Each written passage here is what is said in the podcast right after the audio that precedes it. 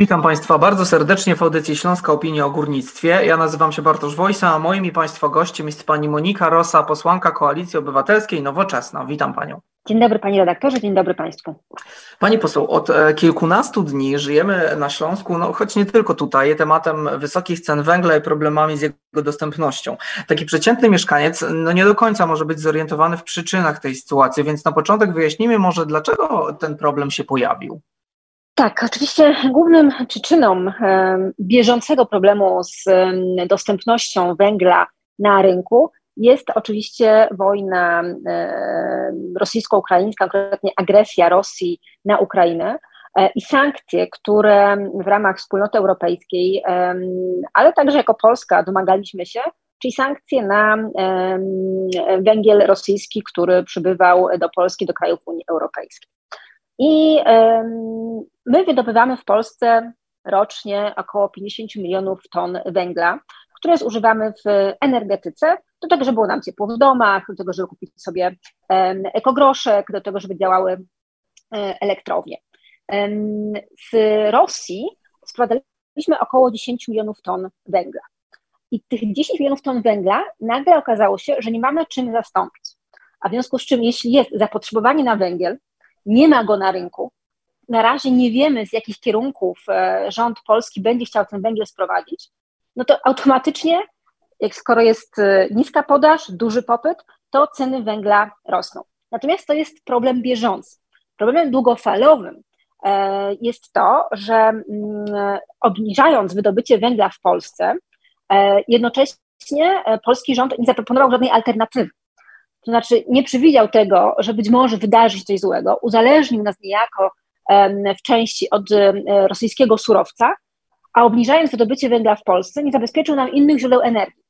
Zatrzymano rozwój energii odnawialnej, nawet jeszcze, wciąż jeszcze temat elektrowni jądrowej, niezależnie od tego, jaki mam do niej stosunek, ale jest tylko i wyłącznie w planach.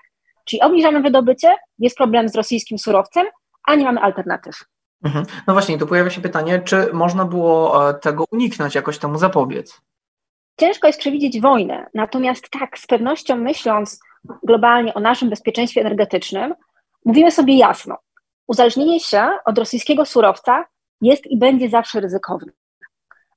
I kiedy polski rząd ma na ustach bezpieczeństwo, niezależność, suwerenność, to moją pierwszą myślą i myślą nas wszystkich powinno być bezpieczeństwo energetyczne niezależność od surowców, których sprowadzamy, zwłaszcza z tak niebezpiecznych kierunków, też wątpliwych, jeśli chodzi o stabilność, jakim kierunkiem jest Rosja. I od paru dobrych lat mamy zatrzymany rozwój energetyki odnawialnej w Polsce. E, zarówno energetyka wiatrowa i już e, niestety sławna ustawa dotycząca odległościowa, która niemal zatrzymała rozwój energetyki wiatrowej na lądzie. E, niekorzystne ostatnio również zmiany w energetyce dla prosumentów, energetyce odnawialnej ze słońca. To wszystko sprawia, że ta energia e, w Polsce, ale też ceny węgla, po których ludzie będą musieli kupić ten węgiel, jeśli oczywiście będzie ich stać, będą po prostu rosły. Więc czy wojnę się dało przewidzieć? Na pewno nie. Ale czy dało się przewidzieć to, że potrzebujemy skądś brać energię? Oczywiście, że tak. Mhm. W kontekście tego, o czym Pani mówi, no pojawiają się takie głosy, że gdyby rząd tak szybko nie podjął decyzji o wstrzymaniu e, importu rosyjskiego węgla, to być może teraz by tych problemów nie było. Myśli Pani, że można było te decyzje e, odłożyć w czasie, no, czy jednak trzeba było ją podjąć tu i teraz? To była decyzja bardzo ważna z punktu takiego politycznego, symbolicznego mm, wobec naszych braci i sióstr z Ukrainy. Pokazanie im, że w pełni stoimy za tym, w jaki sposób walczą i że walczą o swoją niepodległość. I ten ruch jest oczywiście ze wszech miar słuszny. Natomiast byliśmy do tego kompletnie nieprzygotowani. Mhm. Znaczy nie mamy podpisanych żadnych umów, e, do, znaczy żadnych, przynajmniej niewystarczające ilości umów, z jakich kierunków będziemy e, zdobywać węgiel.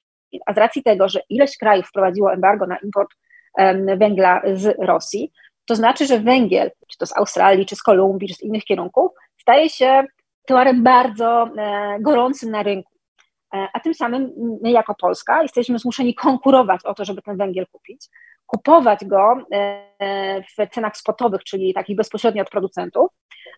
Te ceny na rynkach rynku ARA rosną, to jest teraz pewnie 340 dolarów za tonę, ale nie dość, że kupimy ten węgiel, to my ten węgiel jeszcze musimy w polskich portach rozładować. E, a eksperci mówią, że nie jest to takie proste i oczywiste, e, żeby tyle milionów ton węgla móc swobodnie a, B, A kupić, B rozładować, C dostarczyć do miejsc, gdzie jest to potrzebne. Mhm. No, nie da się ukryć, że plan na górnictwo i transformację też województwa śląskiego no nie jest planem zbyt stabilnym. Porozumienia ostatnio się zmieniają. Wicepremier Jacek e, Sasin już zapowiedział, że górnicza umowa społeczna podpisana w Katowicach także zmieni nieco swój kształt. Czy pani ma poczucie, że rząd wie, co robi, biorąc się za restrukturyzację górnictwa, czy jednak jest to no, metoda prób i błędów? E, obawiam się, że nie mają pojęcia, co robią.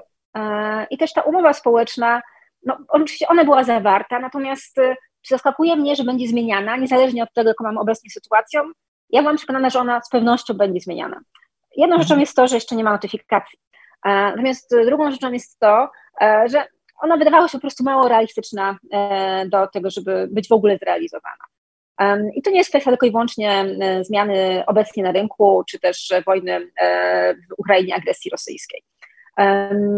Natomiast cały, myślę o transformacji energetycznej, my nie możemy myśleć tylko i wyłącznie o umowie społecznej ze związkami zawodowymi, bo trochę tak to wyglądało, w mhm. której z budżetu państwa dopłacamy do zmniejszenia wydobycia w kopalniach, dajemy jakieś bezpieczeństwo socjalne osobom pracującym w górnictwie, ale transformacja energetyczna e, to jest przede wszystkim stworzenie alternatywnego źródła energii, którego w Polsce nie ma, E, chyba że chcemy mm, skupić się na e, tym, że będziemy importować skądś energię. To jest kwestia transformacji dla całego regionu, czyli partnerami do rozmów muszą być samorządy, muszą być firmy okołogórnicze, muszą być przedstawiciele branży, nie tylko jakby pracujący, czy też nie tylko związki zawodowe. I tego trochę brakło. Więc oczywiście region ma swój plan sprawiedliwej transformacji, natomiast e, czy wszystkie ważne podmioty, które biorą udział w transformacji, czują się zaangażowane, czy czują, że jakby ktoś trzyma ster i wie, gdzie płynie? Z pewnością nie.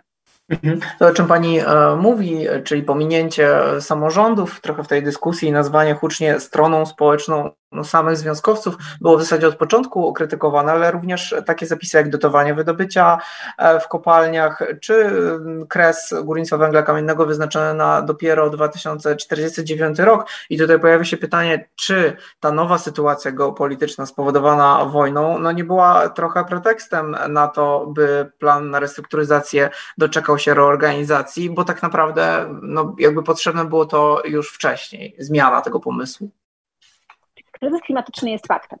E, jedyną możliwością zastosowania, zastopowania wzrostu temperatury jest ograniczenie emisji. Wydaje się, że kierunki, w których podąża Komisja Europejska, Unia Europejska nie zmienią się.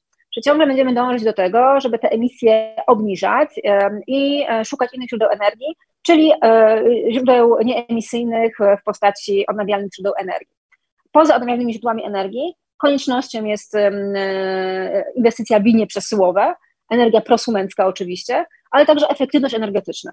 I akurat w kwestii i inwestycji w linie przesyłowe, i efektywności energetycznej, i energetyki prosumenckiej, niestety mm, niewiele wydarzyło się przez ostatnie lata. Dodam, że e, do budżetu państwa e, polskiego e, z, w okresie rządów Prawa i Sprawiedliwości do Polski ze sprzedaży praw do emisji CO2 do budżetu trafiło ponad 60 miliardów złotych. I te 60 miliardów złotych zostało przeznaczone na wszystko, tylko nie na transformację energetyczną, nie na efektywność, e, nie na wymianę piecy, nie na e, modernizację starych budynków, nie na linie przesyłowe, nie na e, wiatraki, nie na fotowoltaikę. Czyli te pieniądze po prostu zostały gdzieś przejedzone, przekazane i dlatego jesteśmy w tak trudnym miejscu, w jakim jesteśmy teraz. Więc wydaje mi się, e, że mm, termin zamknięcia czy wygaszania poszczególnych kopalń niespecjalnie zostanie przesunięty. Ale miejmy też świadomość tego, że kiedy e, wychodzi premier Mateusz Morawiecki i mówi zwiększymy wydobycie, no to nie da się zwiększyć wydobycia w kopalniach z dnia na dzień ani z miesiąca na miesiąc. E, to jest minimum kilkanaście miesięcy ponieważ trzeba e, jakby rozciąć ścianę, zabezpieczyć wszystko i dopiero po kilkunastu miesiącach możemy mówić o rozpoczęciu i zwiększeniu wydobycia e, w polskich kopalniach. I to są oczywiście pieniądze i inwestycje. Mhm. Więc e, Mhm, proszę. E, właśnie chciałam się odnieść, odnieść do tego, o czym Pani mówi, bo związkowcy, no, mam wrażenie, trochę podłapali tę narrację i nawet mówią o tym, że polskie kopalnie, polski węgiel e, czeka e, drugie życie. Czy to faktycznie jest możliwe, czy to tylko chwilowy wzrost zapotrzebowania na węgiel?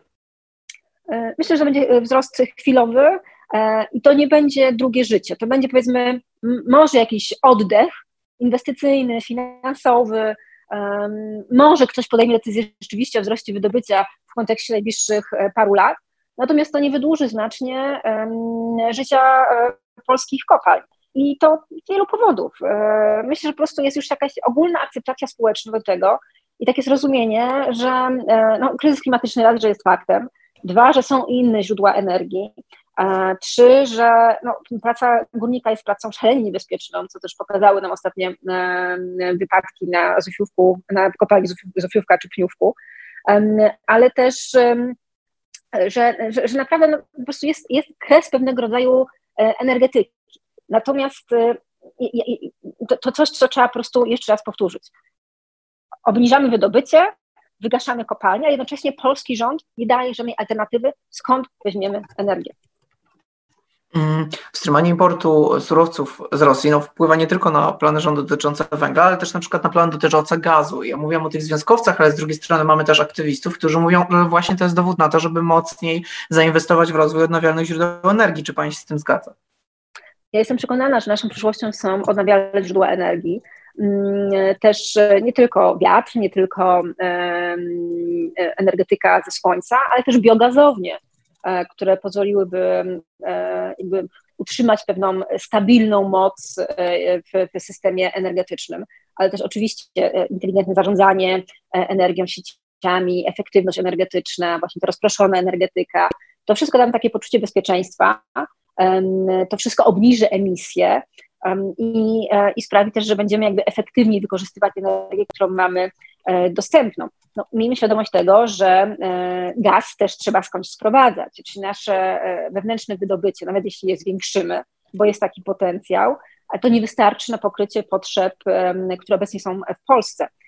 Więc e, no tutaj te, też musimy mieć tą świadomość, że samo wbudowanie Baltic Pipe nie sprawi, że ten gaz pojawi się w Polsce i tylko też musimy zakontraktować dostawy tego gazu, nie wiemy jeszcze, czy wystarczające kontrakty zostały przez rząd podpisane. I tak e, na koniec e, podsumowując, Pani poseł, co powinniśmy zrobić, żeby jesienią, zimą, no jeszcze tego roku, jak mówią niektórzy eksperci, nie czekała nas katastrofa energetyczna? Czy ubóstwo energetyczne rzeczywiście nam zagraża? Po pierwsze, ubóstwo energetyczne w Polsce już jest, ponieważ bardzo wiele osób wydaje znaczną część swojego uposażenia, emerytury czy też zarobków na to, żeby ogrzać się zimą albo siedzieć w zimnie. E, I ten problem ciągle w Polsce funkcjonuje. Ale przed nami jest niestety e, coś gorszego, komuś tego węgla może zabraknąć. Ktoś może go sobie po prostu nie móc kupić, ale będą tak wysokie ceny, e, że nie będzie miał możliwości finansowych, żeby sobie kupić. Więc teraz to, co powinien zrobić polski rząd, to są wszystkie ręce na pokład i szukać, gdzie możemy ten węgiel kupić i po prostu go kupować, bo nie jesteśmy jedyni, którzy będą tego węgla poszukiwać. I to jest działanie, które musi dziać się tu i teraz natychmiast. I uspokajające klepanie po plecach po prostu nam nie wystarczy, bo, bo ktoś jesienią może po prostu marznąć i mieć czym ogrzać swojego domu. Długofalowo odnawialne źródła energii. Pani poseł, będziemy śledzić rozwój wydarzeń w tych sprawach. Tutaj jeszcze ważna informacja dla naszych słuchaczy o sprawach dotyczących górnictwa, klimatu i nie tylko. Możecie Państwo codziennie czytać na naszej stronie internetowej śląskoopinia.pl. A ja dziękuję Pani bardzo za rozmowę. Naszym gościem była Pani Monika Rosa, posłanka Koalicji Obywatelskiej Nowoczesna. Dziękuję bardzo. Bardzo dziękuję.